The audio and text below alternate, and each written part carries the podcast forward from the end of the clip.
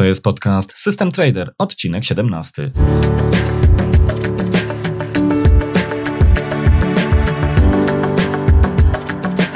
Interesujesz się inwestowaniem na rynkach kapitałowych? Szukasz swojego sposobu na oszczędzanie i pomnażanie pieniędzy? Zastanawiasz się, jak postawić swoje pierwsze kroki na giełdzie? Ponadto fakty, mity, wywiady i ciekawostki ze świata finansów. To i wiele więcej usłyszysz w podcaście System Trader. Zaprasza Jacek Lempart. Dzień dobry, dzień dobry. Witam Cię serdecznie w podcaście System Trader. Dziś mamy już odcinek numer 17. I w dzisiejszym odcinku gości u mnie wyjątkowy gość, profesjonalny trader, który trzykrotnie stawał na podium Mistrzostw Świata w tradingu kontraktami terminowymi. Kevin Davey. Kevin uzyskał w y, tych zawodach odpowiednio 148, 107 i 112% rocznej stopy zwrotu na realnym kapitale startowym wysokości 15 tysięcy dolarów.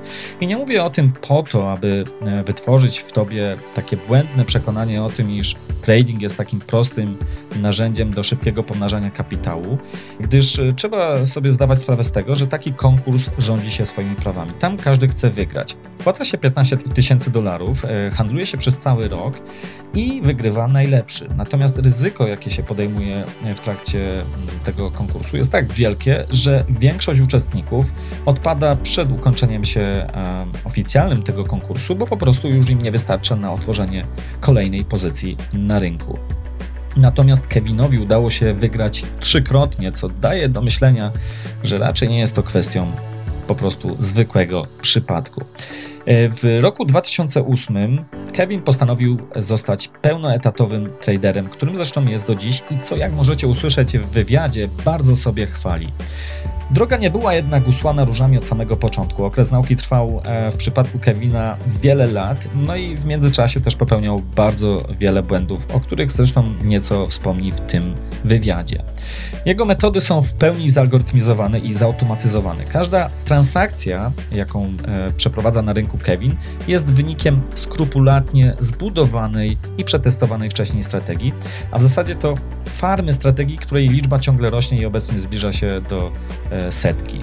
Dodam, że Kevin buduje strategię wyłącznie w sposób manualny, to znaczy nie korzysta z żadnych generatorów strategii, jakie można obecnie kupić na rynku. W tym odcinku porozmawiamy o tym, jak wygląda handlowanie na rynku kontraktów terminowych w oparciu o algorytmy. Kevin też dzieli się procesem budowania i testowania strategii. Wywiad przeznaczony jest dla osób, e, które już mają pewne doświadczenia w tradingu, niekoniecznie algorytmicznym, ale w ogóle jakimkolwiek. I dla osoby zupełnie początkującej tematyka może być nieco przytłaczająca, ale dla takich osób mam pewną e, propozycję, o której za chwilę powiem. Zapraszam również tradycyjnie na stronę systemtrader.pl łamany przez 017 jak numer tego odcinka, gdzie znajdziesz więcej materiałów do tego nagrania. Zachęcam jak zwykle również do komentowania. I na koniec dwie uwagi. Pierwsza to taka, że wywiad z Kevinem jest y, oczywiście w języku angielskim. Kevin jest Amerykaninem, więc y, nie było możliwości, żebyśmy rozmawia rozmawiali po polsku. Natomiast na chwilę obecną nie mogę obiecać, czy i kiedy ewentualnie pojawi się tłumaczenie tego wywiadu na język polski. Natomiast na otarcie US mam taki komunikat, że mm, przebywając w mediach społecznościowych, niejako przypadkiem naturalnie wykluł się w mojej głowie taki pomysł, aby e, więcej powiedzieć o procesie tworzenia strategii algorytmicznych. To znaczy, podjąłem się wyzwania w postaci nagrania kilku odcinków podcastu i napisania wpisów blogowych, gdzie będę dzielił się swoją wiedzą i doświadczeniem, już w sumie też y, ponad dziesięcioletnim, y, w tematyce mm, algorytmów y, na rynkach finansowych. Dlatego, zwłaszcza jeśli jesteś osobą początkującą, zachęcam do tego, aby śledzić moją stronę systemtrader.pl, bo niebawem pojawiać będą się tam materiały o tym, jak budować własną strategię algorytmiczną. I to wszystko będzie w prostym i ludzkim języku. Tymczasem gorąco zapraszam do wywiadu z Kevinem. Hello, Kevin, and thank you very much for being here today. I'm really glad that you want to share your knowledge and experience with us. Could you please tell us a bit about yourself? Sure. Uh, first of all, I just want to say uh, thanks for having me. And uh, I know you've had a lot of really good traders who've also done interviews with you, so I'm kind of honored to that you'd pick me. But uh, you know, I've been trading for over 25 years. Uh, not all of it was full time. The last 10 years, I've been doing it full time. I was able to make that leap from part time kind of hobby trader to a full time trader, um, and th- and that's really where my uh, passion lies.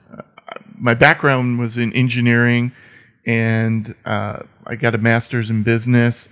But what I always loved was the markets and the challenge of the markets, and so trading was kind of a natural progression for me.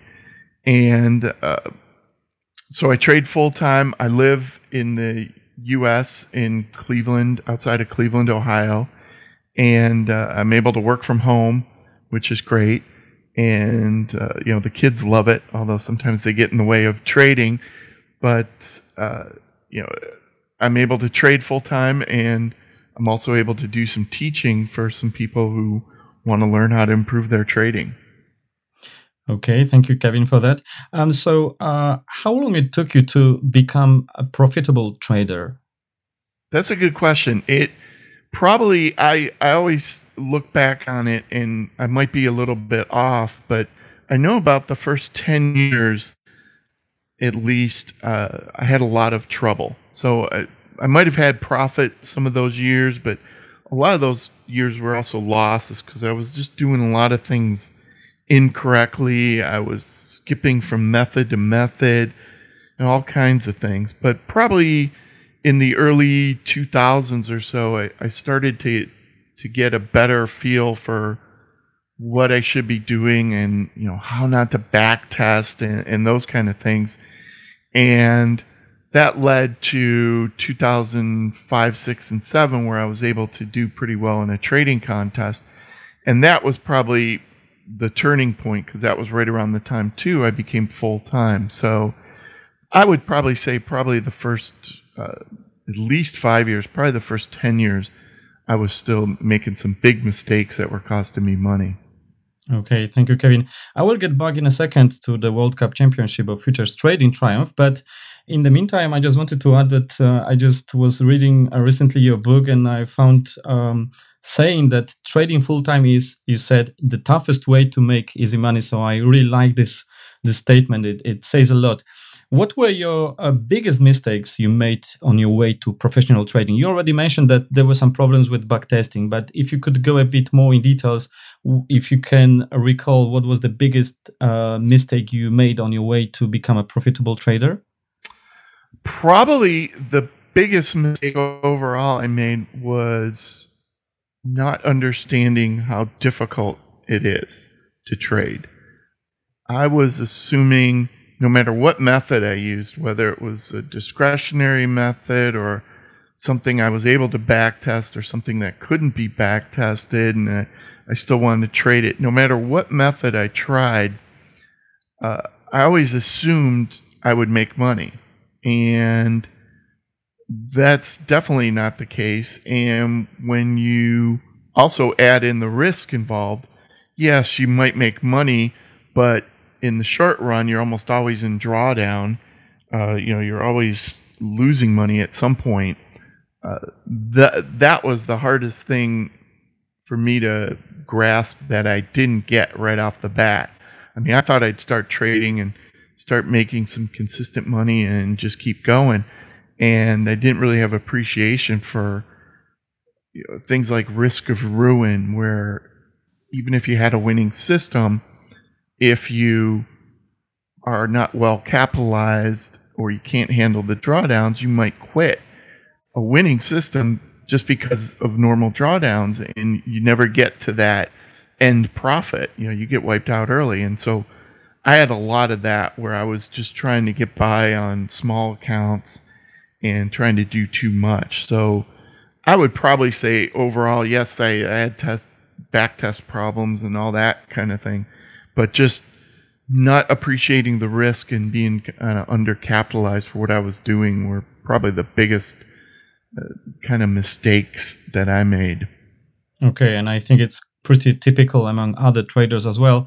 As far as I remember, you you became a full time trader in 2008. And uh, looking now on the time behind, are you happy that you decided then to go for being a full time trader rather than working as an employee and having a monthly salary?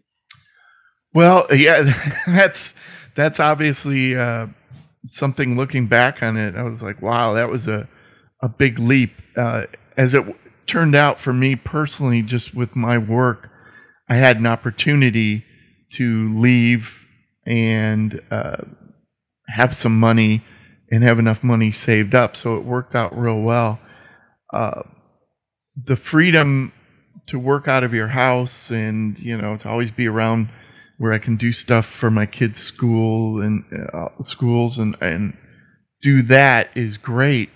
Uh, it also comes with a lot of responsibility because it's so easy to not work. You know, it's uh, it's so easy just to sit back and, and oh, hey, I gotta do this kind of uh, back test or something. But I'll just do it tomorrow. Or so mm-hmm. it, it it working full time on your own is is really kind of tough because you really have to be self motivated, and a lot of people I think need the motivation that a full time job gives. The other part you just mentioned was the full time pay. Uh, right. That is really hard and to give up. So I was lucky because my spouse, uh, we sat down before and I said, "Hey, this is this is my dream to full time trade. I think I can do it. What do you think?" And uh, she was all for it. But if she hadn't been, uh, you know, if she said, "No, you really can't give up your job. You know, the money's too good. That kind of thing." Uh, I probably wouldn't have done it uh, because you know if the if the support's not there, I think uh, there's no trouble. So, you know, looking back on it, it it was really a leap, and I'm glad I took it. But um, I definitely did not do it the best way. I wish I had started with more money in my trading account and and that kind of thing. But uh, you know, those kind of things I think you learn as you kind of go through it. Right. So you mentioned a pretty important thing. I I, I think that you need to have kind of support in your uh, members of your family, like you said, your spouse fully supported you, and I think that this is uh, maybe a very important factor which makes you more confident in your trading, which is very very uh, important. Yeah, it's it's uh, huge to have support of people around you. Um, you know, it. I always tell people, my wife and I used to have a. It was almost a little game when I first started full time trading because she'd come home from work and she'd ask me if I made money, and a lot of times she could just tell by looking at me if I made money.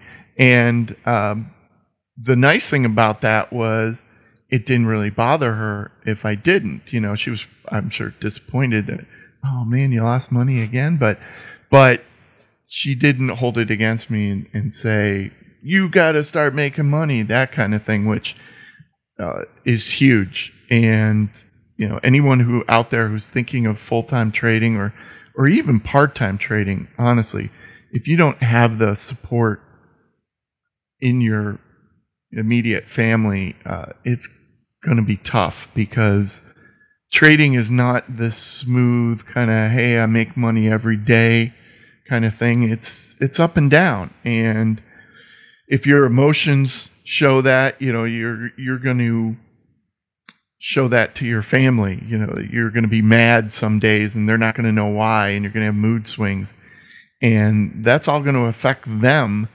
Uh, so if they're not fully tuned to what you're doing, uh, it's going to be trouble. Okay, thank you, Kevin, for that. Um, you have recently published your new book titled Introduction to Algo Trading How Retail Traders Can Successfully Compete with Professional Traders.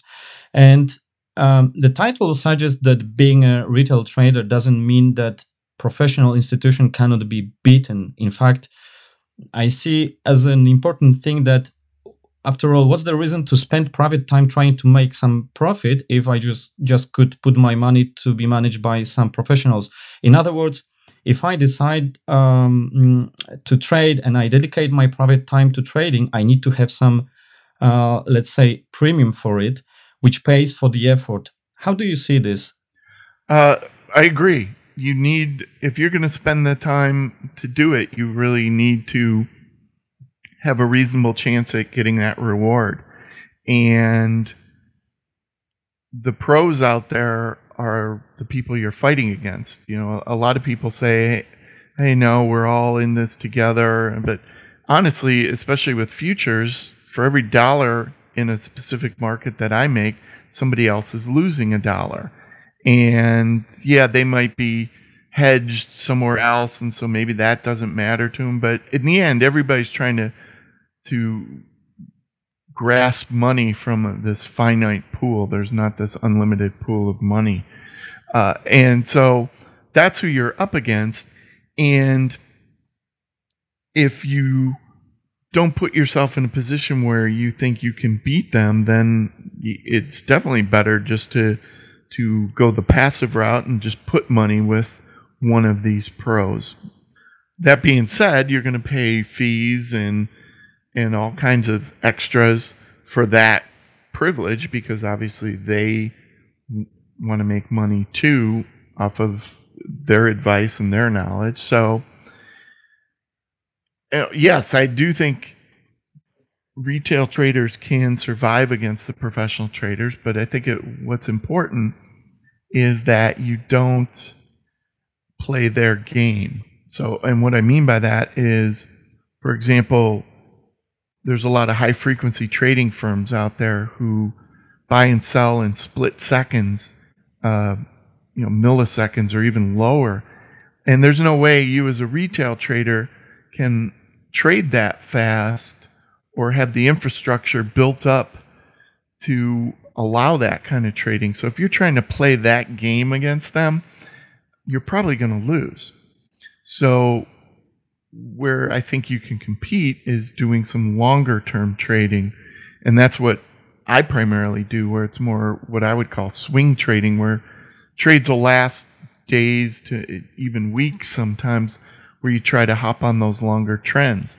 Now, of course, there's definitely professionals who will fight there and fight you in that regime, but I think your chances of success go up there. So, you know, in the end, the way I see it, it, it's definitely possible to make money uh, and to make it worth your time, but it's also very difficult and there's no guarantees. You know, it's if you're going to be a doctor, for example, if you spend the time, you go through medical school, you pass all the the medical tests, you do your residency, and you know, in the end, there's an expectation you'll be a doctor and you can go earn a living. But with trading, you could spend years studying and practicing, and in the end, there's no guarantee that you're going to be able to be a successful trader, and and that's uh, kind of hard. You know, it's you're doing things for an uncertain future, but uh, you know, th- that's kind of why I wrote that intro book to kind of give people some exposure to what algo trading is all about, but also kind of point out some of the pitfalls and you know some of the the dangers in trying to go this route because it's it's far from something that everybody can do. Okay. By the way, the, your your latest book, Introduction to Algo Trading, is really very good uh, source of information, especially for someone who's, I think, starting from let's say zero level. I mean, having no knowledge at all, and I think this is a very uh, good starting point for for someone uh, uh like this. But also, I read it after uh, like ten years being on the market, and I still found it very interesting to me. So, uh, very highly recommended book. Um, so you say that as uh, trading is very very hard but on the other side do you think that being a retail trader give us some advantage for example uh, having a, a, smaller capital we can for example um, it's easier for us for example to to to take a position to close the position um, yeah so yeah there's a couple things with being smaller you're One is, yeah, you're not going to have huge positions open, which you need to close slowly over time. Uh, two, you can trade some of the smaller markets. You might be able to find uh, a good strategy in, say, orange juice, uh, which, you know, big f- professionals, they don't trade that a lot because there's not a lot of volume with it. So you can do some of those. Uh, the other thing, too, is you might have different risk tolerances. You might be able to risk a little bit more than a prof- professional, either hedge fund or commodity trading advisor. And you know, the other thing too is those guys, those professionals, once they get money under management, their focus isn't necessarily getting great returns. Uh, their focus a lot of the time is not losing those uh, funds. You know, they build up their fund. They don't want people to abandon them because they had a bad drawdown. So what they will do is they'll tend to take smaller risks to keep their fund uh, assets higher. And so that's where, as a small trader, you don't really have to worry about that kind of thing. So, you know, there's definitely uh, areas where a small trader can can kind of outmaneuver the big guys. Okay, so that's some positive accent, let's say, on the way of becoming a retail trader. Kevin, you have participated in the World Cup Championship of Futures Trading uh, Triumph three times.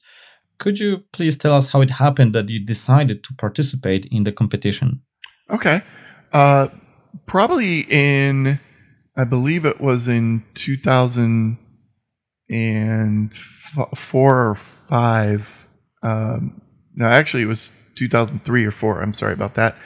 Uh, I started to get better with my trading and started to develop more what they'd call algos today, but back then it was called like systematic trading, but basically rule based trading. And I started to, to feel a little more comfortable with what I was doing, and I was doing pretty good. And I thought, well, you know, how do I really see if I'm doing good? And I saw about the, the World Cup contest, and I thought, well, hey, if I can do good in this, uh, that would be a pretty good indication that I can actually trade decently. So what I did was in I believe 2003 I was kind of thinking about it. In 2004 I was thinking about a little bit more, and uh, as it turned out, I didn't enter in 2004. But if I had done it and followed the systems, I actually would have. I don't. I'm not sure if I would have won, but I know I would have finished either in first or second. Of course, I didn't enter but that just gave me more incentive to say, oh, I got to enter. But what I did was I went back and, and looked at the contest and looked at all the previous winners. And at the time, I was able to access like the top three finishers every year for the past number of years. Uh, I don't think that information's on there uh, the website now for the World Cup, but it was there was I was able to get that info. I don't even think it was on the internet back then. But I took a look at the the top three finishers for say the past ten years, and after analyzing it, I basically came to the conclusion that if I got a hundred percent return in a year, I should finish around the top three, somewhere in the top three, and that was really uh, one of my goals. Uh, my other goal was to beat uh, a trader. His name was Kurt, who I'm now friends with. But he was always kind of my idol of somebody that was a great trader who I thought, wow, if I could beat him. So that was kind of a secondary goal. So what I did was I just designed my strategy around doubling my account. And I said, well, if I have a, re- if things go right, I'll double my account and I should finish in the top three and you know that was the way I approached it, and I didn't say, "Oh, I'm definitely going to do it," you know, because there's always in a trading contest or any kind of trading, there's always some luck involved with where you really end up. You know, you could end up having a little bit of bad luck and things don't work out, but you could also have good luck and things could go out a lot better than you think. So, you know, aiming for that 100% was was kind of my goal. And as it turned out, the next three years 2005, 6, and 7 I was able to do that each of those years. So that was the biggest takeaway because you know people always say, "Well, hey, it's a contest, and you know, is that really realistic?" I said, "Well, n- not really in the in the uh, aspect of being risk averse. You know, in your normal trading, you don't want to necessarily go for great returns because that usually means you risk more. But for these con the contest, it was the goal was the highest return. So that's why basically I created a my strategy and money management and every position sizing, everything else to meet that goal. And that's the big takeaway for me is I had a goal, then I designed strategies to meet that goal. I implemented it and it worked out. Uh, and that was the big lesson that I learned because then going forward in my own trading, especially when I went full time, you know, the goal wasn't 100% return, it was a certain risk adjusted return. That's what you got to hit. And so that's, you know, I, I, would design strategies and position sizing around that goal. And that's the that's the big thing, at least the, what I got out of the contest. What kind of methods did you use during the competition? I mean, is it was it uh, much different to what uh, what you're doing currently? Uh, it was basically the same. So I had an idea, and what I did for the those contest years was I actually had the same system, same basic strategy with different parameters for I believe eight or so different markets, and it was basically a trend following approach. Uh, but I analyzed it, tested it. I did walk forward analysis, which is a method I use to get out of sample data. And I said, well, if I trade this portfolio, I should be okay. And there really weren't that many trades because uh, I think I only started, it was either a $10,000 account or a 15000 I don't quite remember at this point. 15K. But yeah, it was. A, it's a pretty small account, relatively, especially to be trading eight, eight different markets. But uh, as it turned out, I was able to do that. Now, compared to what I do today, uh, I look more for market specific strategies. Although, if I find a strategy that works, say, for the euro, I'll definitely try to apply that same basic strategy to other markets and see if it works. Uh, but back when I was doing the contest, it was more here I have one core strategy and I'm going to apply it to eight different markets. And I don't do as much of that anymore, only because it's hard to find strategies that work across a whole bunch of markets. Um, I know a lot of people out there, probably a lot of your listeners say, well, hey, I have to have a strategy that works on three different markets or five different markets.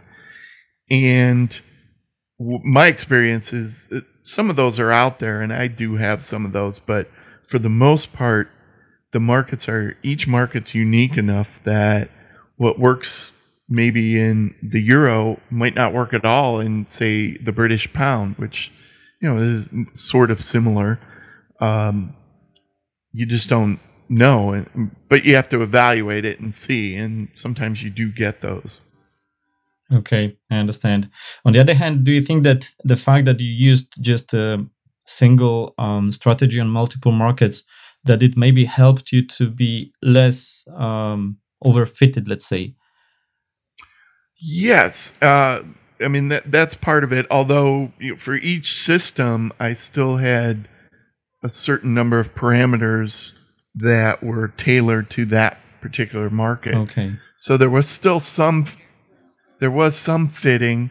It just wasn't uh, a ton. But yeah, that's that's a good point. Is you know you what you don't want is a strategy that's so specific and so detailed just for that market because you might just be uh, measuring noise uh, on a particular market, and Right. you know you don't want to build a system that's just reacts to noise. Um, Kevin, why did you decide to to be a systematic trader rather than discretionary then? For me, uh, my background was engineering, so I always liked numbers. I liked uh, computer programming, and that all those kind of skills, the number skills, the programming skills, tailor well with a, a systematic algo, rule based type, whatever you want to call it, approach, where you define things and you test it, and yes, oh, okay, it looks good, and then you just follow the rules. That that's probably the main reason. So my background and my skills kind of fit that. And the other thing I noticed, I have done discretionary trading over the years, and what I noticed with discretionary trading, it's just for me, it's very discretionary trading is very difficult uh, to be successful because I, I overrule and I sometimes make some rash decisions and that kind of thing. And what I found was the rule based type systems were great for me psychologically. So they just fit me. Uh, you know, Dr. Van Tharp, who was a market wizard, he, trading psychologist, he helps a lot of traders. His big thing is, hey, you got to find a system that fits you. And uh, that's absolutely true. And if if you can't, so there's people out there, for example, who have trading rules and say I'm going to program my strategy and and follow it, and then it turns out they can't follow it, and they overrule their system and turn it off. You know, those are not people who should be trading systematically. Um, you know, maybe they'd be better off discretionary. So you really got to find for your particular uh, personality what really works for you. And for me, it was definitely rule based, kind of methodical, analytical type systems. That's what worked best for me. Okay. Okay. Are you still maybe tempted from time to time to take some uh, uh, transaction, let's say, in a discretionary way?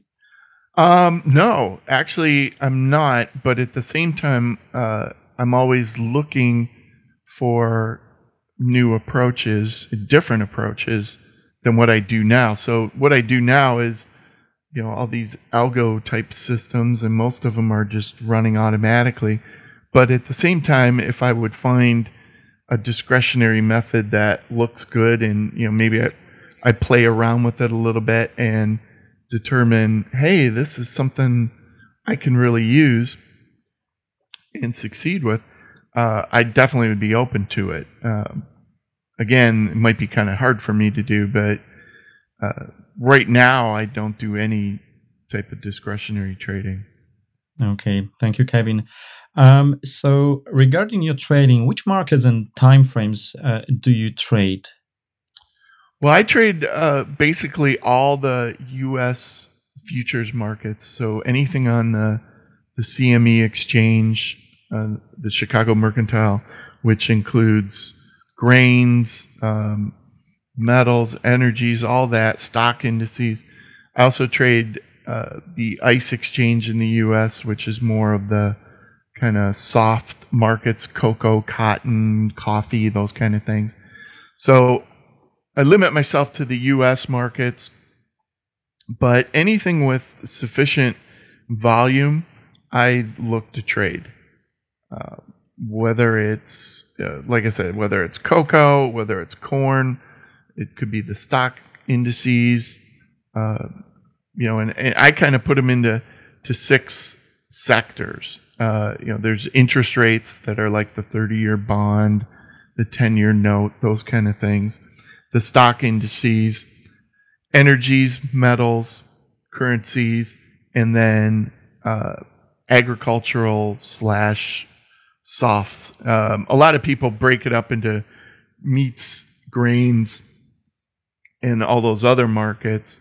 Uh, I tend to lump them together as a group. And so what I try to do is try to keep balance among those groups.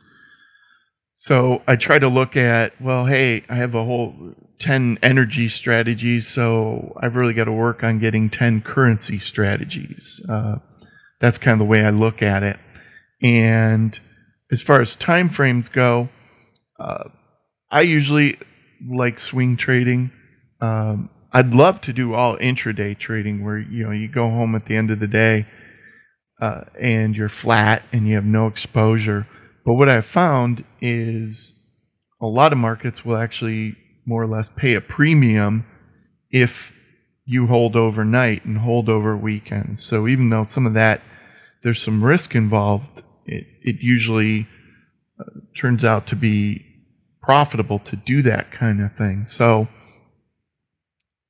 that's kind of where my time frame is. Now I do still I do have some intraday systems that uh, get in in and out maybe in a half hour, but a lot of them tend to last a little bit longer. Okay, that's very interesting. Thank you for that, Kevin. Uh, by the way, so you say to not underestimate the um, the daily bars, for example, that that there still we can on top of them we can build a, a good systems. Yeah, daily bars are are nice for a couple different reasons. One, if you were to look at one minute or five minute data, there's usually a lot of noise. You know, it up and down without real trends in that where the daily bars tend to have more trends. Now, obviously, there's there's definitely still noise with that, uh, but it tends to be a little bit easier to find trends with daily data. And the other big thing with daily data, uh, depending on your date, how your data provider gives you the data, uh, it usually the closing price is usually the settlement price. So it's the price at the end of the day that the exchange uh, tells everybody that figure out your profit and loss based on this price. And that tends to have a little more weight than the daily, uh, you know, the minute bar close at 10:22 a.m. doesn't really mean much, you know, any price during the day, but a closing price at the end of the day, that's what people are calculating uh, margin based off of and how much they need in their account and what their current equity is. So uh, there's a little bit more information with the daily bars that you might not get with those intraday uh, type bars. Okay, thanks for that. Um, Kevin, would you be able to to say uh, how your style, uh, trading style, or, or, the process of building a, robust uh, trading strategies differs to other champions traders like uh, Tim Rea, Michael Krug, or Andrea Unger, which I know that you know. So, um, but I know that basically there's a plenty of uh, ways how to achieve success on the market. But I know that your style is a bit different.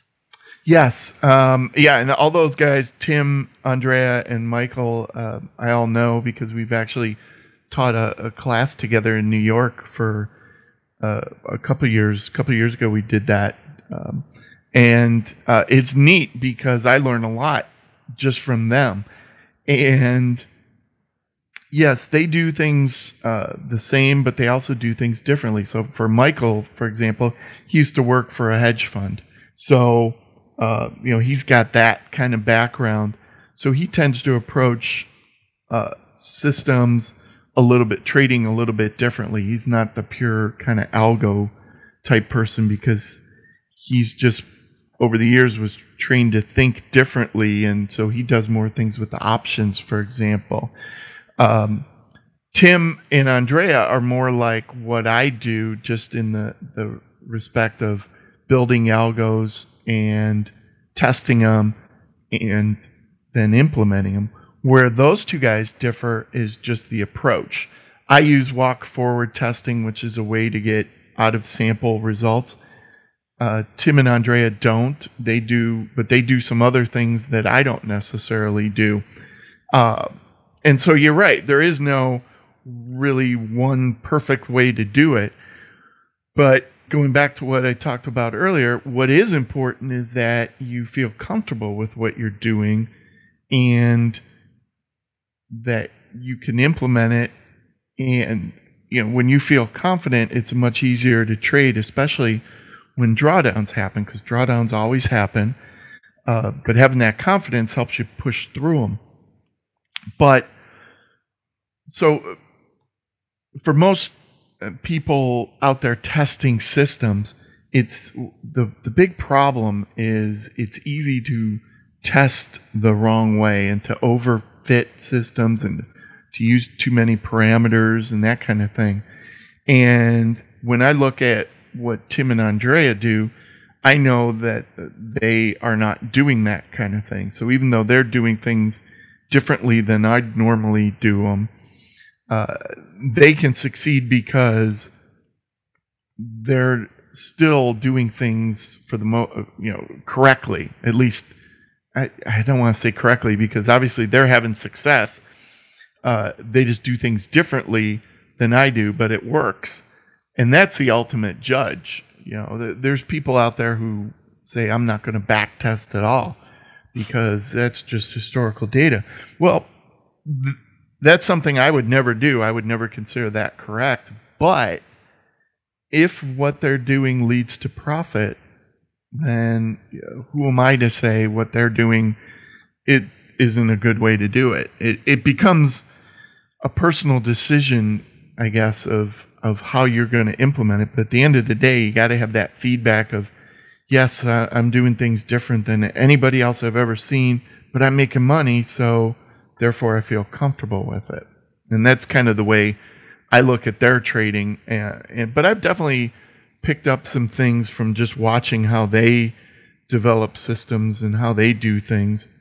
And uh, I've incorporated some of that in what I do, and it's funny. We've also had lively discussions of, "Hey, I don't think you're doing this right," and they say, "Well, I don't think you're doing this right," and we kind of, uh, you know, friendly argument of the pros and cons. But it, in the end, I think it makes all of us better seeing how people do things differently. Okay, that's very interesting, uh, Kevin.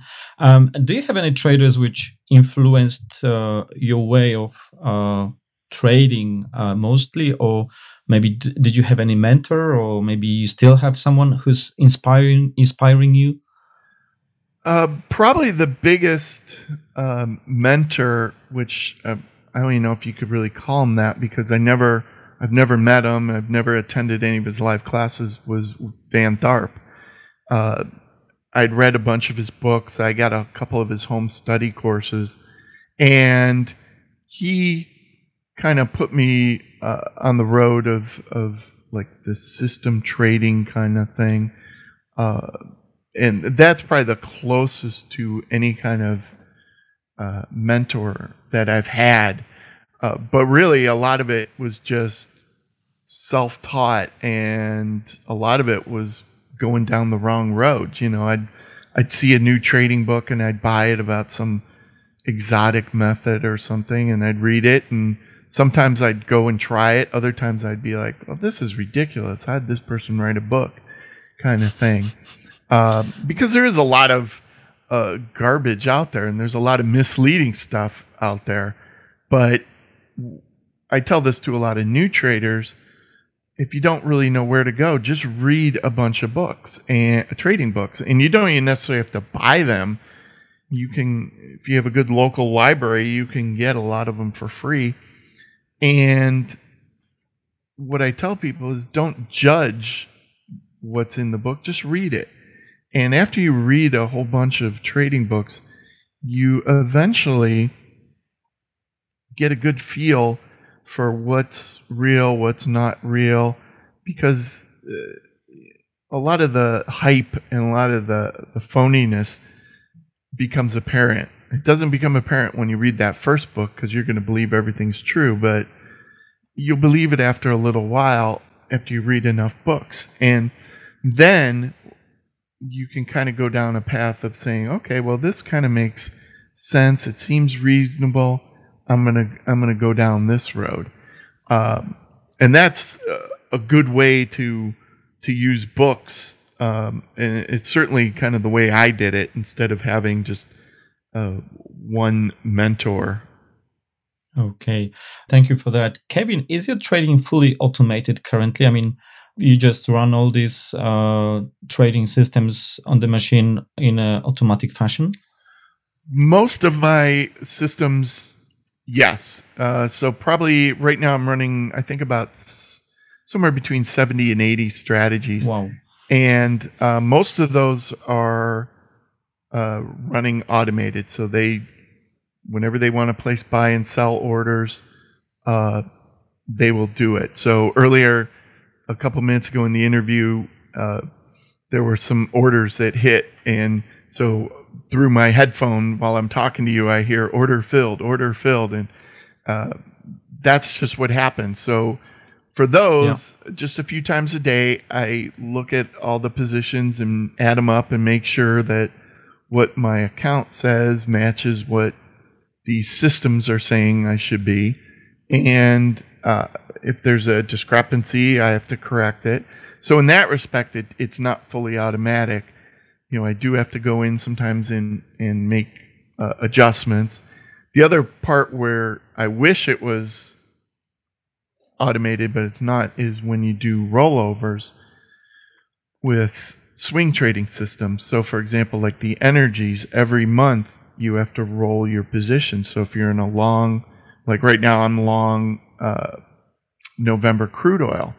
But in a couple weeks, or I don't even know when, and the computer will tell me when, I have to roll into December. So I'll have to manually exit my November position and then open my December position and update my charts and that kind of thing. So I'd love to say it's 100% automated, but it is not. But do you think that, for example, the roll rollover process could be automated as well, or there's a specific reason you you do this by hand? You know, if you probably would spend, I'm sure if you were a really good programmer, you could probably do it for the most part.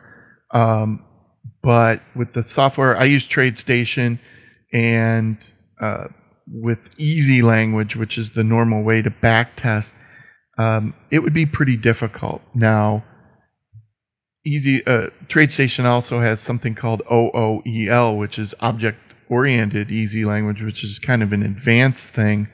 Uh, and you could probably build something around that. It's just an advanced kind of language that goes beyond easy language. So I don't do it. Uh, I what I find is the having to roll over is not a, a huge time issue. You know, it might take uh, a half hour a month to check and roll over and update.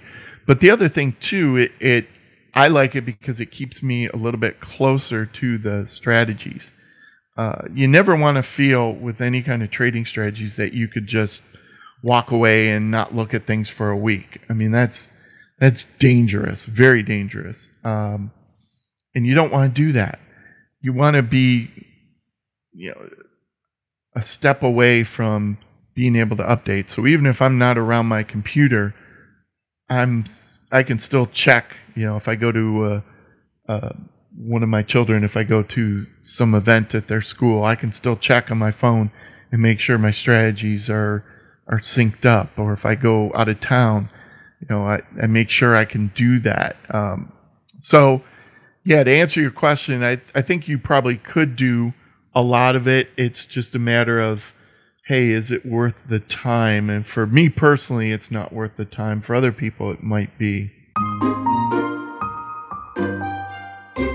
Having like 80 strategies running, um, is it very hard to control it everything by yourself? I mean, how an average trading day looks uh, uh, looks like for someone like you because you know for someone who's uh, new to trading especially algo, algo trading for some some uh, people like like this, it could look very magical almost that you have just the computers which are trading for you on your behalf. So how an average trading day uh, uh, looks like?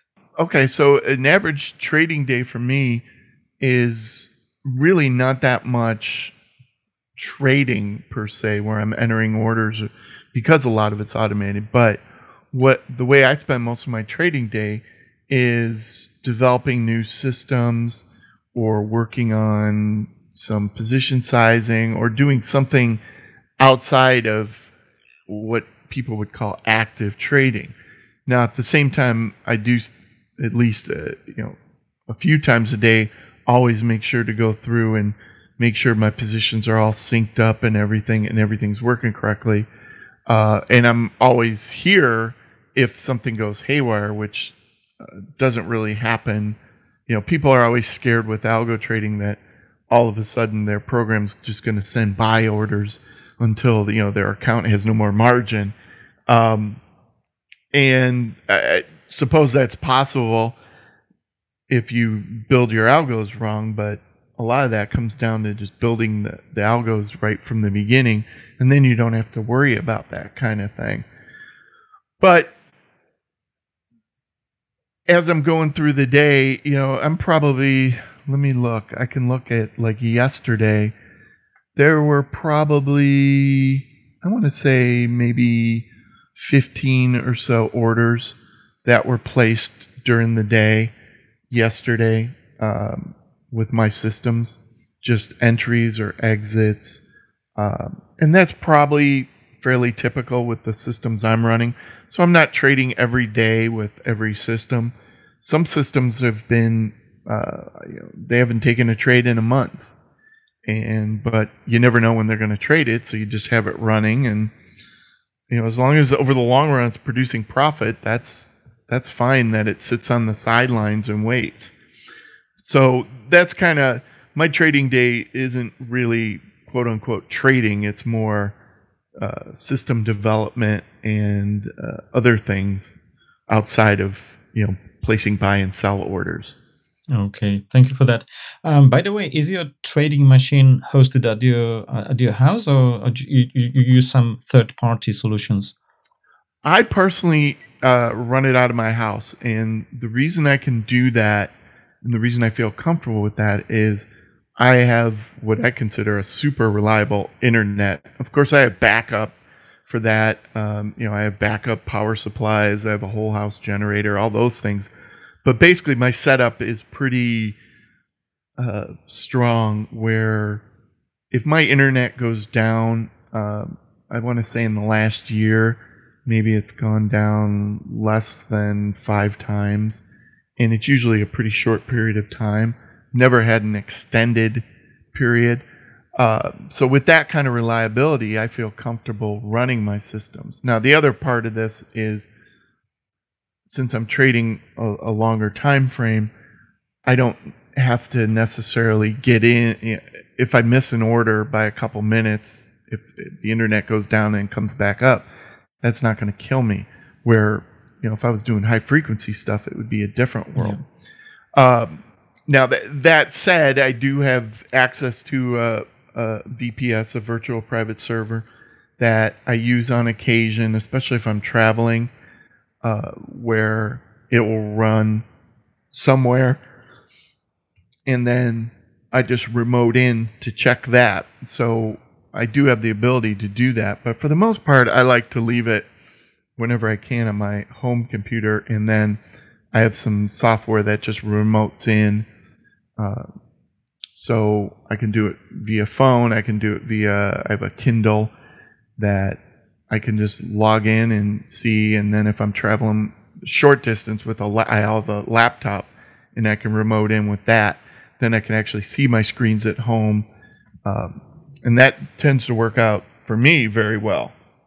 Okay, um, Kevin, does it happen that although you're running like uh, 70, 80 strategies, that um, the trading year may end up uh, underwater for you? I'm asking in the context of going through the um, bad periods, which are inevitable in the long run, how to be disciplined in such moments and stick to uh, with the plan?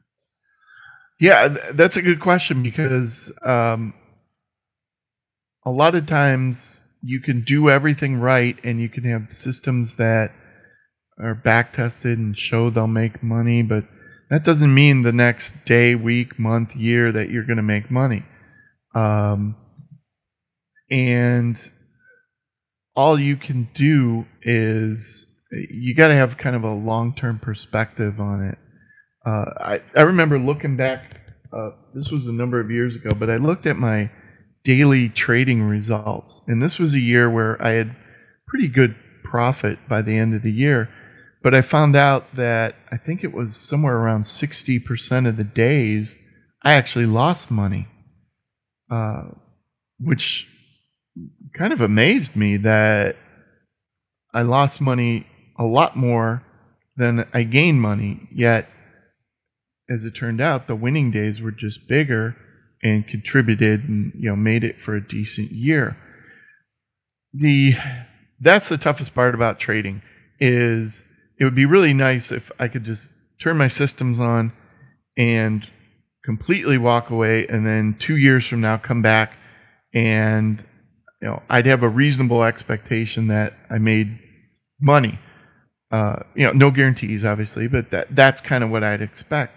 But the hard part about it is no, you can't do that. You have to live through those 2 years and you have to live through those ups and downs and uh, that's what makes it so hard for most people is the path to get to that profit is what is important. And not too long ago i think i have, a, I have it on my website. I wrote an article about that that that might be the toughest part about trading is actually the path while you're trading. It's not the end result uh, it's the path you have to take to get there. And and people get tripped up by that with back testing because you'll do a back test and you'll see this equity curve goes upward and to the right. Yeah, that looks good. You know, it makes profit. And what most people don't look at uh, is the path where you have to go through extended drawdowns or extended flat periods, which psychologically make it really hard to trade. You know, it's not a straight line. And uh, until unfortunately, just looking at an equity chart, even once you know that you have to live through those drawdowns, uh, knowing you have to live through them, as opposed to actually living through living through those drawdowns, are two different things. And unfortunately, I think only real trading can prepare you for living through those drawdowns. Okay, thank you, Kevin, for that. Very interesting. Um, in your first book, Building Winning Algorithmic Trading Systems, you uh, described your uh, strategy development process. And could you please quickly describe uh, this step, uh, the, the steps involved in, in this process? I mean, it seems like a very important topic for everyone willing to build a robust uh, trading strategy. Okay, sure. Uh, it all starts with having a, a goal, an objective and, you know, so I mentioned earlier when I wanted to do that trading contest, my goal was 100% annual return for that one year of, of real money trading. So that could be your goal. It could be to build a strategy for soybeans. It could be a strategy uh, to build three strategies for crude oil. Whatever your goal is, um, you want to know it up front. You also want to know what the performance is. I, I can't tell you how many people will email me and, and say, "Hey, can you help me trading?" And I said, "Well, what's your your goal?" And oh, just to make a lot of money. That's usually the, the most common one. I'm like, "Oh, that's great." But some people actually say, "Well, I want 20% return a year." And I'll say, "Well, fine, but what kind of uh, drawdown will you be willing to take to get that?" And that's usually where a lot of people fall apart. They have no downside risk. You know, it's almost like hey, I'll risk everything just to get 20%. Well, it's hard to, to create trading systems around something like that. So you need a good goal to start. Then the next thing is is you got to have a trading idea, right? You got to have some basis for what your rules are going to be. You know, it could be a 5-day breakout I'm going to buy or you could say 5-day breakout I'm going to sell short. Tons of ideas out there uh, a lot of people think they have to come up with their own theory of the markets from scratch. No, there's a ton of things out there. You can find them. Uh, and there's a lot of code that's already written, especially for a platform like TradeStation, which has been around a long time. Uh, and that could be your starting point. And you could read about something in a magazine and com- combine it with something you found on the internet. Uh, there's a lot of ideas, but obviously you need ideas. And you need a lot of ideas because you're going to be testing a lot of things over time. So you have your goal, you have your idea, then you go to testing. Uh, what most people do when they test is they take all their rules and put ranges on all the variables, and so they have, uh, say, a million runs with their optimizer, and they run it up until yesterday's data because they want the most recent data in there, and then they'll go and optimize it and take the best results and go and trade it. Um, I mean that it's awful to do that. It's curve fitting, overfitting, whatever you want to call it. So what I tell people to do is, well, just test your idea on a little piece of data. Uh, you just do what I call a preliminary test, where you don't test it on 10 years of data, you just test it on two years. Uh, does it work? You know, does it give some profit? Now, that doesn't tell you the system's good, but it eliminates a lot of garbage systems. And you might say, well, wait, but it's maybe that was just the worst two years ever and all the other years are good. I agree. That is uh, perfectly reasonable to think that. And it does happen. The one thing, though, is if you had a bad two year period, would that even be a system you'd want to trade? You know, think about trading a system that's in a drawdown for two years. Uh, even if it makes money all the other years, that's a hard system to trade. So you got to keep that in mind too. So the the preliminary testing eliminates a lot of the the garbage, and so you don't waste your time testing it. Then once I have some criteria for passing that, once it gets through, I go to what what is called walk forward testing.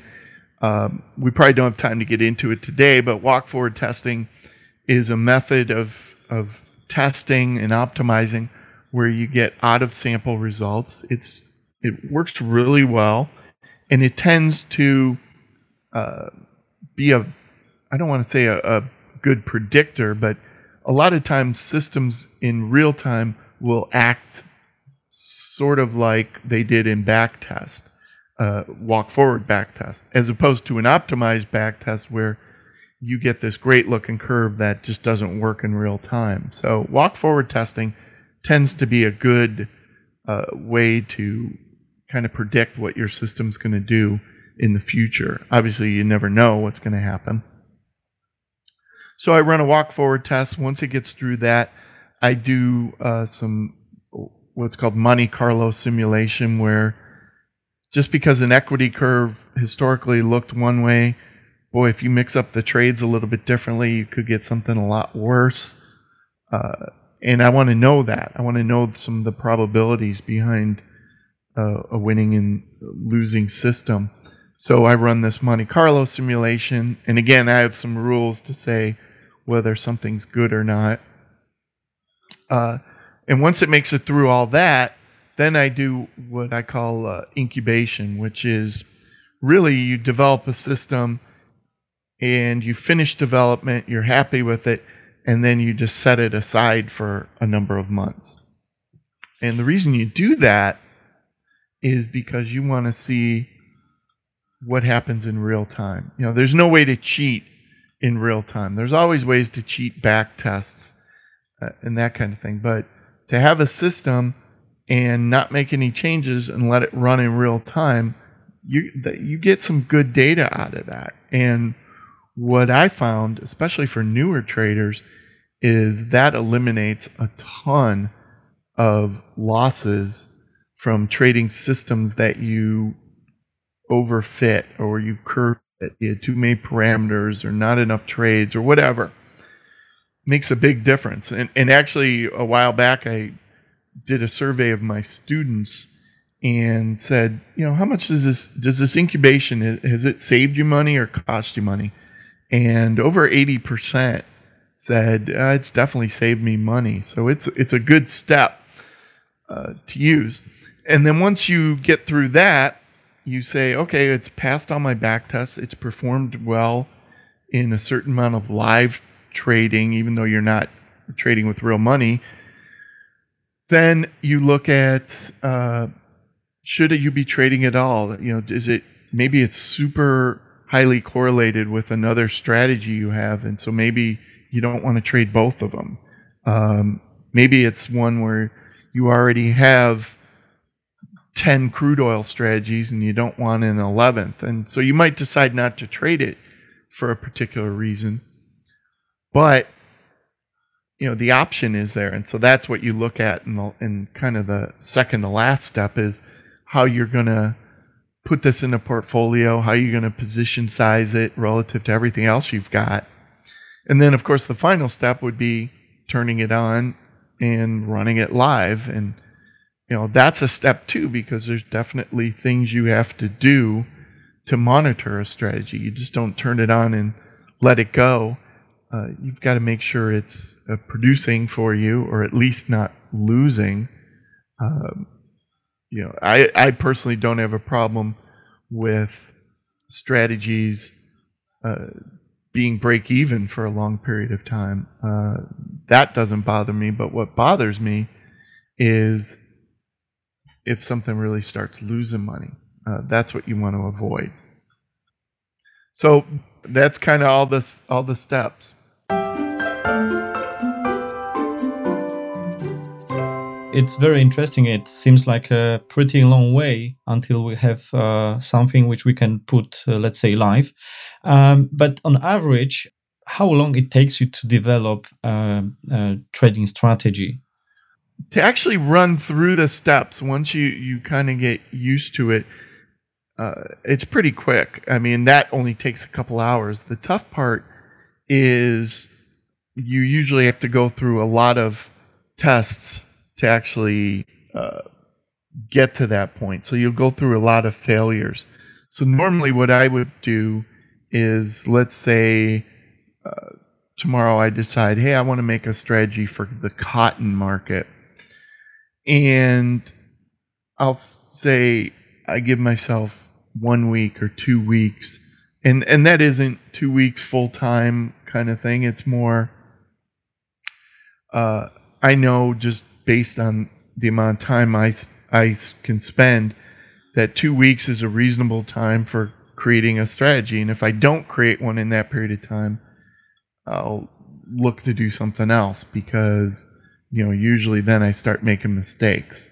And my rule of thumb, and I tell this uh, to my workshop students, is if you ever feel when you're developing a strategy that you've done a little too much you know, you've added too many rules, too many filters, you've done too much testing, and you start to wonder. Uh, at that point, that's your warning signal that you've done too much. You've probably already gone way past what you should have done. Uh, and you never want to get to that point because typically when you spend too much time developing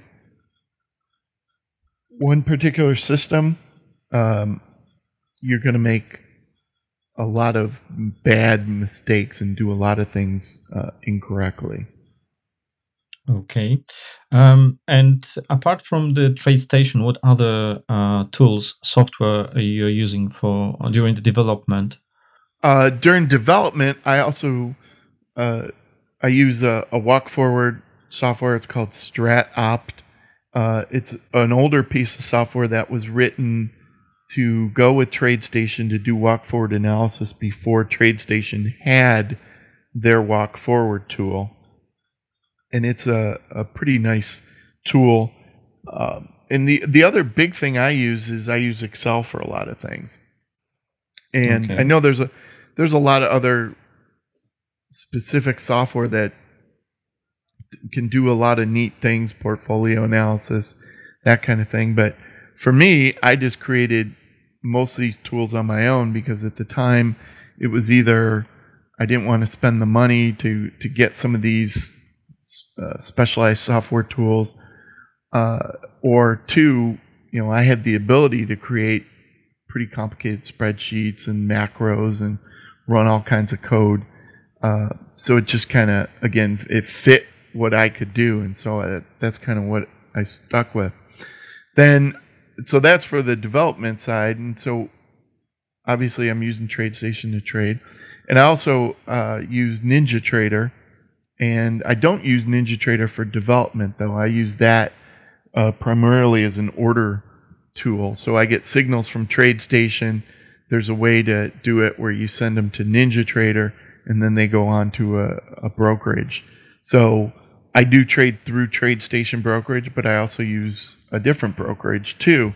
And uh, that's always a nice thing to do to have backups for your brokerage because uh, I've been through one, two, I think three different brokerage failures over the years wow. um, where I eventually got most or all of my money back. But the bigger thing was uh, the inconvenience and also not really knowing uh, what your positions were and should you get out. But this way, if something happens to brokerage A and I know I'm short wheat, I could go into another brokerage and basically offset that so that I'm net. I don't have any exposure. And then, you know, eventually things will kind of work itself out. So that's kind of the way uh, I approach that, uh, looking at multiple brokerages, because I think you want backups for just about everything you do. So I've looked at backup platforms, backup computers, power sources, internet access, you know, pretty much everything. Uh, it's not to say there there won't be something that comes up that just hits me out of the blue that I didn't plan for, but for most things, I'm pretty well covered.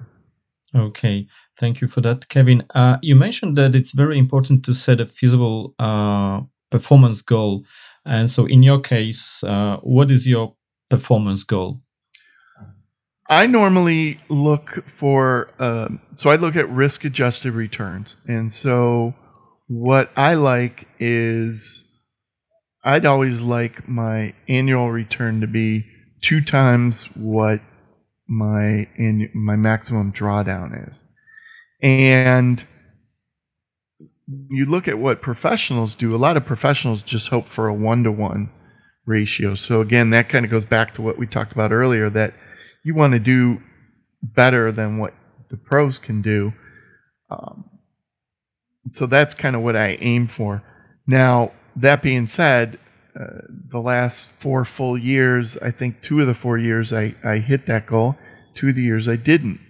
Uh, but overall, I'm still fairly satisfied with the way my trading was going. Uh, it you're not going to hit your goal necessarily every year, but that doesn't mean you still don't strive to get it.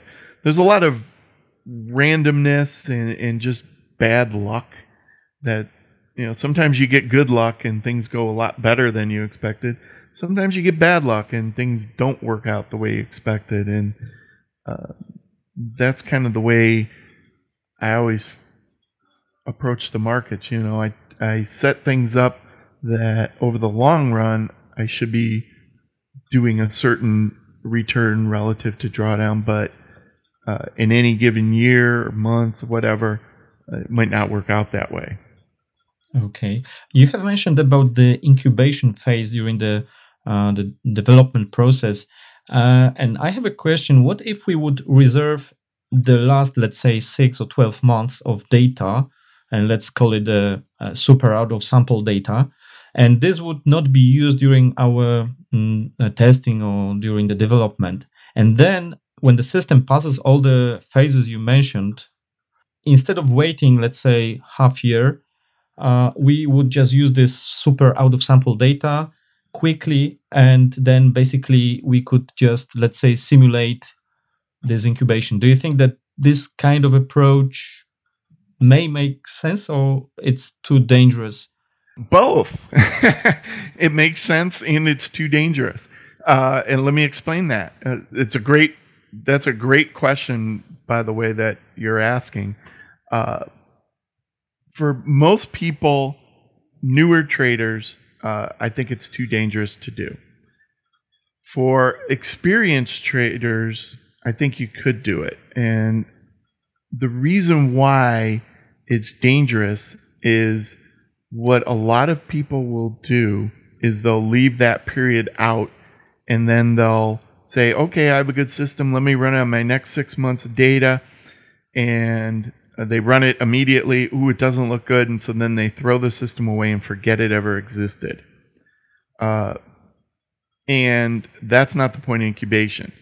The point of incubation is also uh, to grade yourself as not only grade the system, but to grade yourself as a developer. And if you can, if you have the discipline to say, okay, I'm going to, the system's completed. Now I'm going to look at the next six months, and you treat that system and you record the data, and now you you treat it as if the data was in the future. Uh, then it can be useful because you're using it, but you're also monitoring your results. You're not throwing the system away. And I think that's why I don't recommend it for, for newer people because they tend to think, well, it didn't work on this quote unquote super out of sample period, so therefore I'm just going to throw it away. No, you should still be recording it because you want to know how you're developing is working in real time. And so you got to monitor that. So that's the one thing. The other issue with using this uh, sort of past data that you haven't looked at is you'd be surprised how many times you might incorporate the last six months of market into what you're developing. Uh, I'll just give you one example. Uh, you might know right now, just looking at the markets, that a lot of markets are near low record lows in volatility. Okay. And that's now in your subconscious just because you look at the, you see what's going on every day. So you might go and develop a system that excludes the last six or nine months, whatever. But you still might develop that system uh, and with a volatility indicator or something that kind of takes advantage of lower volatility times. And and you didn't do it intentionally. You just hey came up with an idea, but it turned out maybe the reason you came up with the idea is because somewhere in the back of your mind you knew that the last six months have been low volatility. So then when you go and run this lot, uh, you know, you incubate for the that last six months, it might do really well because it was low volatility, which you already knew, which you subconsciously, unconsciously, whatever, put into your system in the first place. Where now you run it live and maybe now volatility takes off and your system doesn't perform. So those are the two big drawbacks to doing it. Yes, you can save a ton of time by not watching a system live for a while, but uh, you know, there's also you got to realize that there are some downsides to it. So, personally, what I always recommend for people just starting out doing this, uh, let it go for six months. Now, you know, nobody likes to hear that because everybody wants to trade tomorrow. You know, oh, I developed this today. I can't wait. But uh, trust me, it will make you a much better system developer by doing it it will save you money. Uh, it will make you less emotional. Uh, and it, in the long run, it'll be better for you. Now, maybe five years down the road of doing it, you might feel comfortable enough to not do the incubation phase uh, with future data, but to do it with the past data. Uh, you know, and that's a kind of a personal decision, but yeah, just be aware. It, it there are drawbacks to it, but it is a great question. Okay, that's very interesting. So I think that the good, uh, maybe the biggest value from having this incubation is also that we can cool down our emotions. So um, it's you know because imagine that you, you made this system, it was very profitable, but we are trading on paper, so we may feel like oh my god, we could make some money. But on the other hand, we could also lose the money. So this is a period where we could probably cool down our emotions. I, I see at least this uh, this way. Yeah, that's that's big because, as I mentioned, you go through a lot of ideas uh, and throw away a lot of things. So when you finally find something that works, you get excited about it and you feel um, close to it. Uh, it's kind of weird to say, but you know, you you have this attachment to it. I created this strategy, and look what it's done, and you're all excited about it, and you want to start trading it. Um, and if you do, you and it starts going bad, you usually still have that emotional attachment where, oh yeah, but I spent all this time on it. it it's not going to fail. I'll keep trading it, and you start cascading all these bad emotional decisions on it. Where if you just set it aside in six months, you're not going to remember the pain that it took you to develop that system. All you're going to know is what it's done the last six months. Has it worked or has it not? and you're going to be a lot more focused and a lot less emotional about trading that particular system. And that can't be underestimated in my mind. You have already mentioned about the uh, proper diversification among many systems and many markets, timeframes, but we haven't said too much about the position, position sizing yet. Do you have a simple answer? Which one is, in your opinion, better? I mean, diversification versus position sizing? It really comes back to your goals. So if you have one or two systems that are really great and that have proven themselves in real time, you might be better off just increasing position size on those systems, you know, pushing those to the limit. Uh, those systems are, are kind of rare though that are are so good and even if you had one you'd be worried about it breaking and, and stop working. So for a lot of people what works better is just having a basket of systems trade different markets and none of the systems by themselves are going to be are going to make you a millionaire but they're all pieces and you and they they work together or at least they don't work against each other.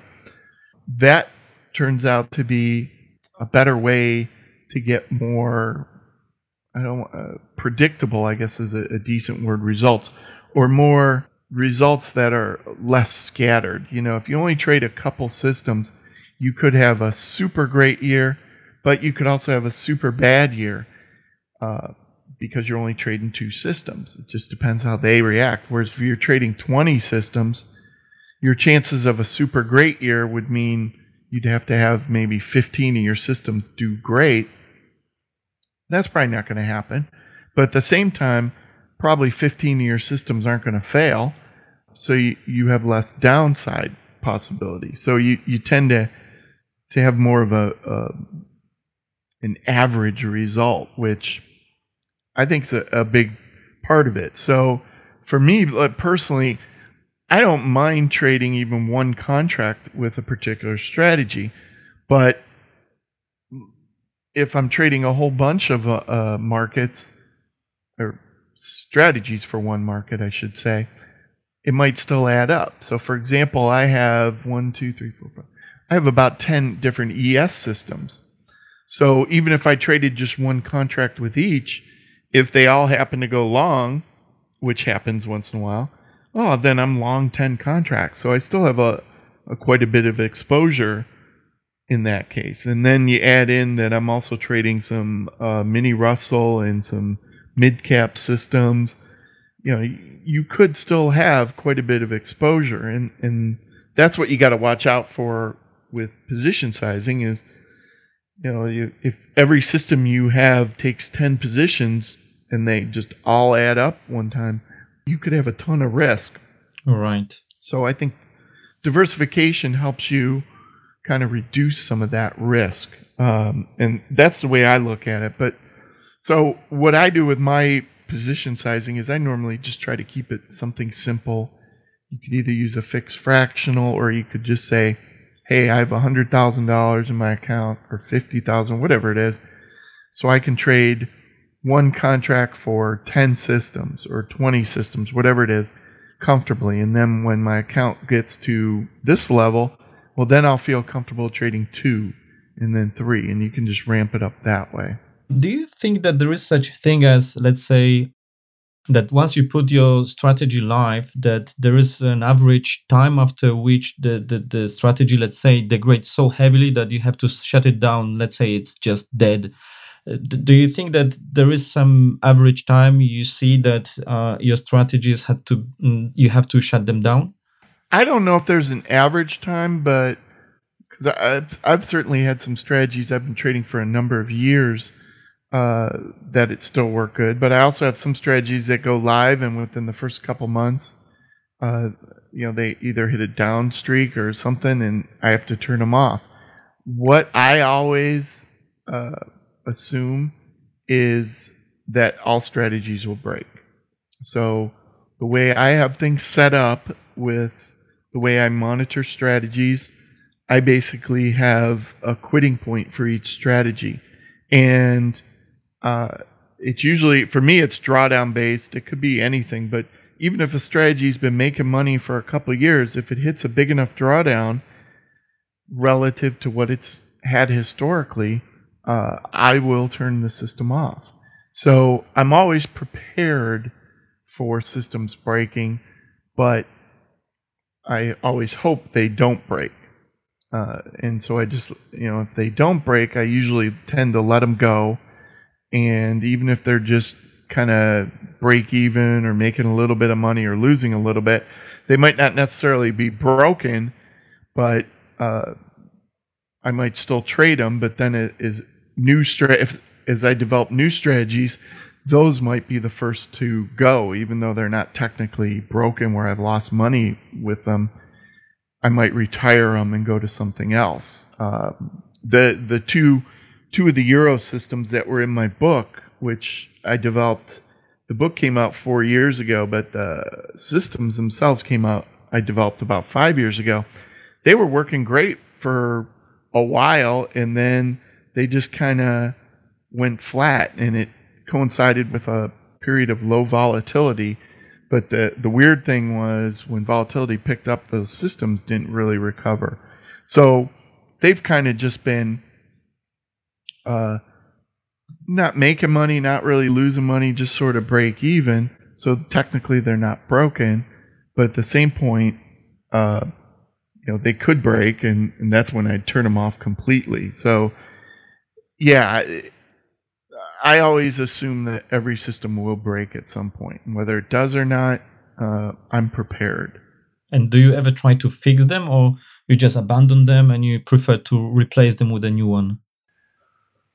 I give them a chance to recover without me trying to fix them. The problem, the problem with trying to fix a broken one is almost guaranteed you're going to find something better, right? You're going to make a fix that's going to improve it. But that's because you're kind of using hindsight bias and saying, oh, yeah. if I had added an RSI filter, this system would have done much better. Well, the reality is you didn't do that. So to say now that would have been a good thing to do uh, is kind of a little uh, a little fishy to me. It's not a real good thing to do, but if a strategy does return to like normal levels of performance, I will definitely consider trading it again. But it's always hard once you turn a strategy off. Uh, it's always hard to turn it back on because for me, it's hey, you've you know, I'm talking to the strategy. You've lost me money before. Why should I trust you now? You know, it's kind of mm-hmm if if you uh, are dating and the person you're dating cheats on you, you know, and you decide to take them back, well, they're liable to cheat again and disappoint you again. And do you really want to go through that? Same way with trading systems, where hey, once it's failed and let you down, uh, you may not be as anxious to to let it go uh, and turn it back on again.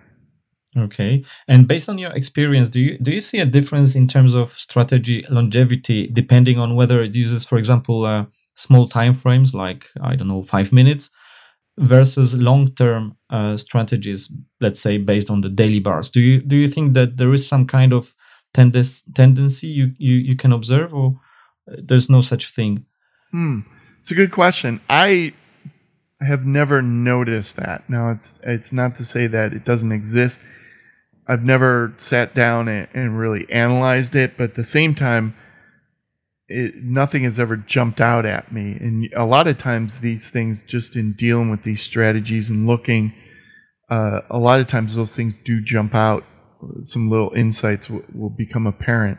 And I've never noticed something like that. Now, it doesn't mean, you know, maybe it's just my strategies uh, that do it, but uh, it's certainly a, for somebody who's serious about strategy development. I would think that would be that could be one thing you would monitor that you could look at, um, and you might find something there. Okay. And do you think that markets are changing so that trading as such is becoming more and more difficult craft nowadays? Uh, it, it certainly it doesn't get any easier. Um, but you know, I don't know how much of that is people looking back at the good old days when things were easy you know, compared to now. Oh, everything's so much tougher now. You know, it's it's the old uh, thing. If you have kids and you know they complain about being outside in the cold, and you you you say, well, back in my day, I used to walk in ten feet of snow to school, and we didn't have buses. You know, but hey, if you t- if you talk to my parents, well, well, we didn't even have cars then, and it was horse and buggy. Or, you know, everybody seems to to say in the old days yeah. things were a lot different than now. Um, so you know, there's some of that uh, bias that's that's going on. But you know, what I will say is there's definitely uh, a lot more. It seems like there's a lot more people involved in trading, at least from like an algo point of view. A lot of people have gotten more into back testing, where maybe 15, 20 years ago, uh, very few people did any kind of back testing. So I think some of those systems that people found 15 or 20 years ago, uh, other people over the years have found the same systems and then they get traded away. So in that respect, it does make it more difficult. But you know, at the same time, everybody's has access to better and better tools for doing stuff. So that in that respect, it should make finding things a little bit easier. So uh, for me personally, I think it's it's tough. It's always been tough, and it always will be tough. Okay, thank you, Kevin, for that. Uh, so we are almost at the end of our interview, but I have just one last question, which is pretty long, or maybe the, the answer will be short. Um, we have described the strategy development procedure, and it turns out that um, it, it may be pretty complex way uh, to build something which is robust. And because of that, we are also looking for a portfolio of multiple strategies. Uh, we don't want to rely on a single strategy. But I would like to ask you about a, a bit different philosophy, uh, namely the long term trend following. I spoke recently uh, on my podcast with Tom Basso. He was also working closely with uh, and he was also featured, uh, for example, in Jack Schwager's Market Wizard book. And uh, my understanding of his approach is that he is not putting too much effort into um, finding a perfect entry or exit methods. He's looking for a very long term trends. And the crucial rule lies in the proper money management and portfolio diversification. So basically, he's just using a single system, but on a very, uh, very big portfolio of different of different markets. And what do you think about such approach? I mean, rather than constantly, let's say, fighting with the market, trying to find uh, new systems and to replace them with a newer one, we have a trend following system which works hopefully for years. Just a single system on a very broad market. Do you do you think that from your point of view it's even feasible? Yeah I, I mean i definitely think it's feasible.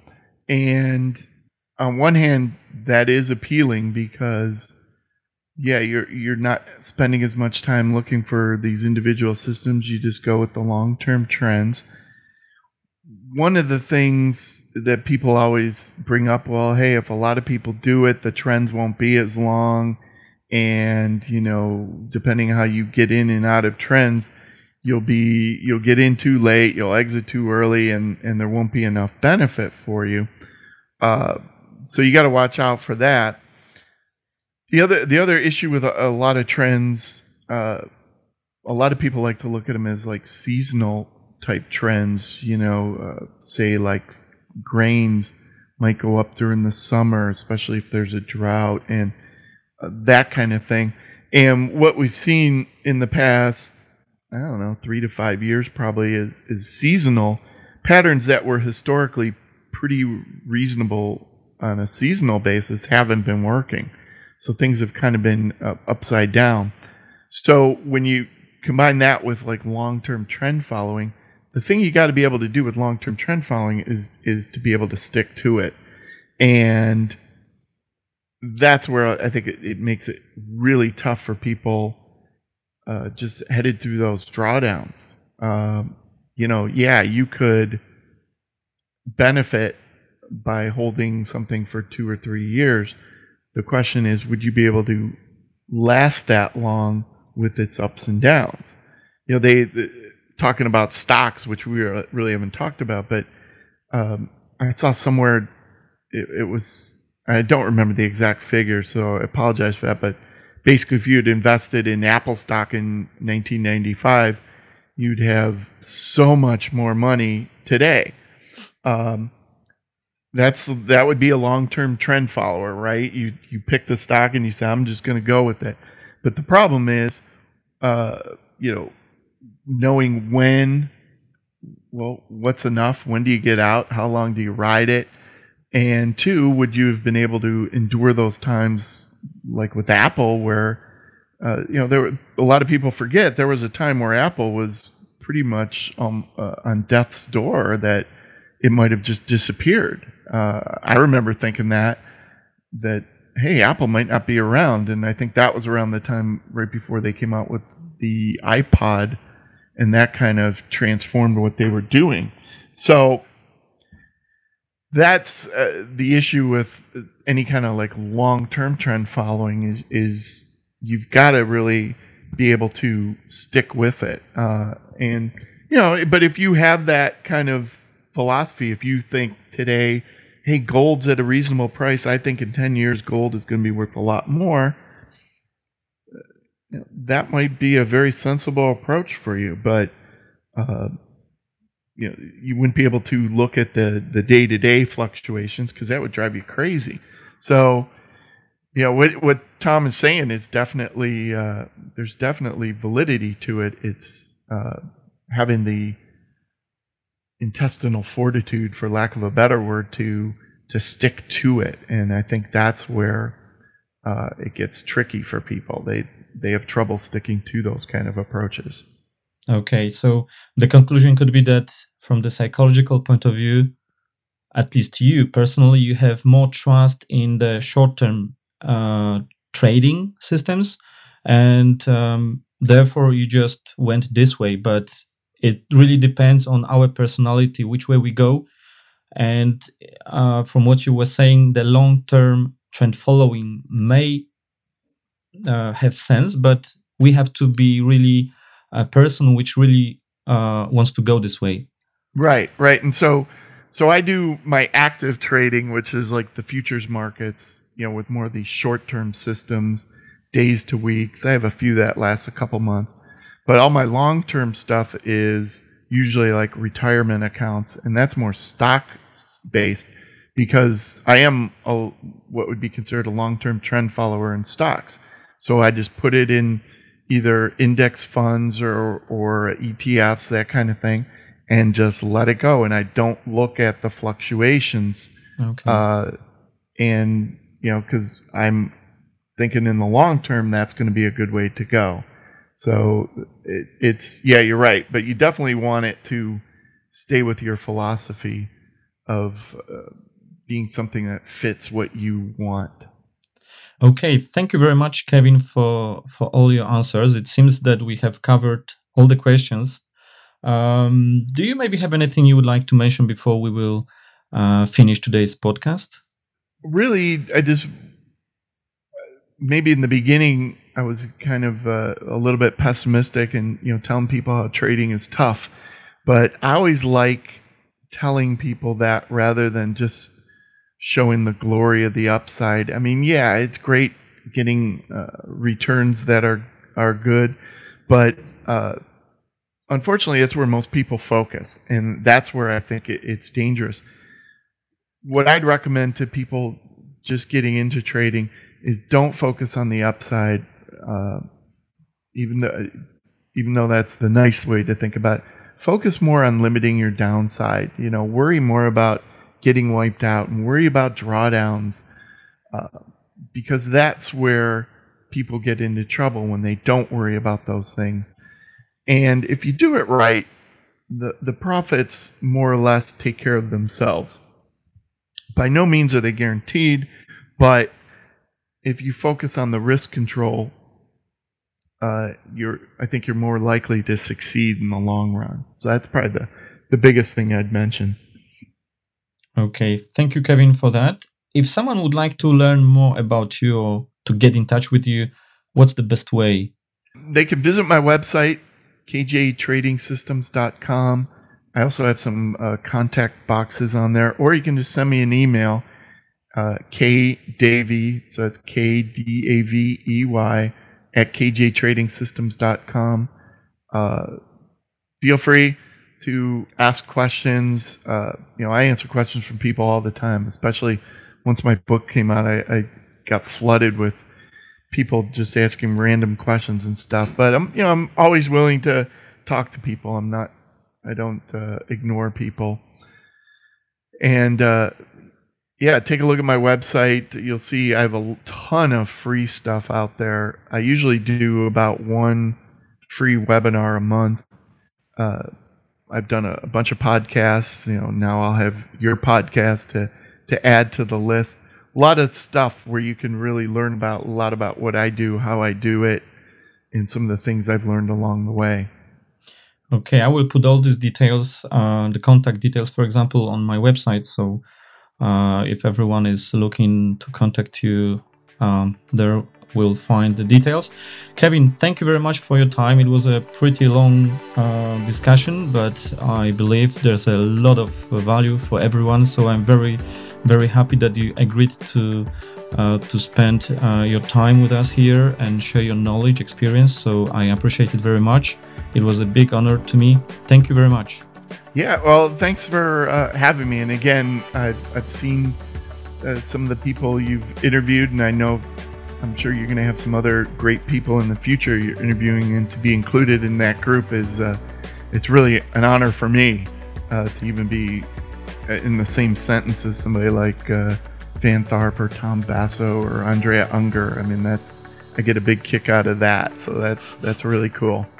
Thank you very much. Have a good day. All right, thanks. Bye bye. Jeśli przebrnąłeś przez cały wywiad, to bardzo Ci za to dziękuję i gratuluję. Jak wspominałem na samym początku, nie martw się, jeśli wszystkiego nie zrozumiałeś, bo miejscami poruszane tematy były dla początkujących po prostu zbyt zaawansowane. Zapraszam na moją stronę systemtrader.pl, gdzie niebawem pojawi się więcej materiałów, tym razem po polsku, prostym, zrozumiałym języku, o tym, jak budować, testować i wdrażać własne strategie algorytmiczne. Tymczasem życzę powodzenia w Twojej drodze do profesjonalnego tradingu. Pozdrawiam Cię serdecznie i do usłyszenia. Bye bye.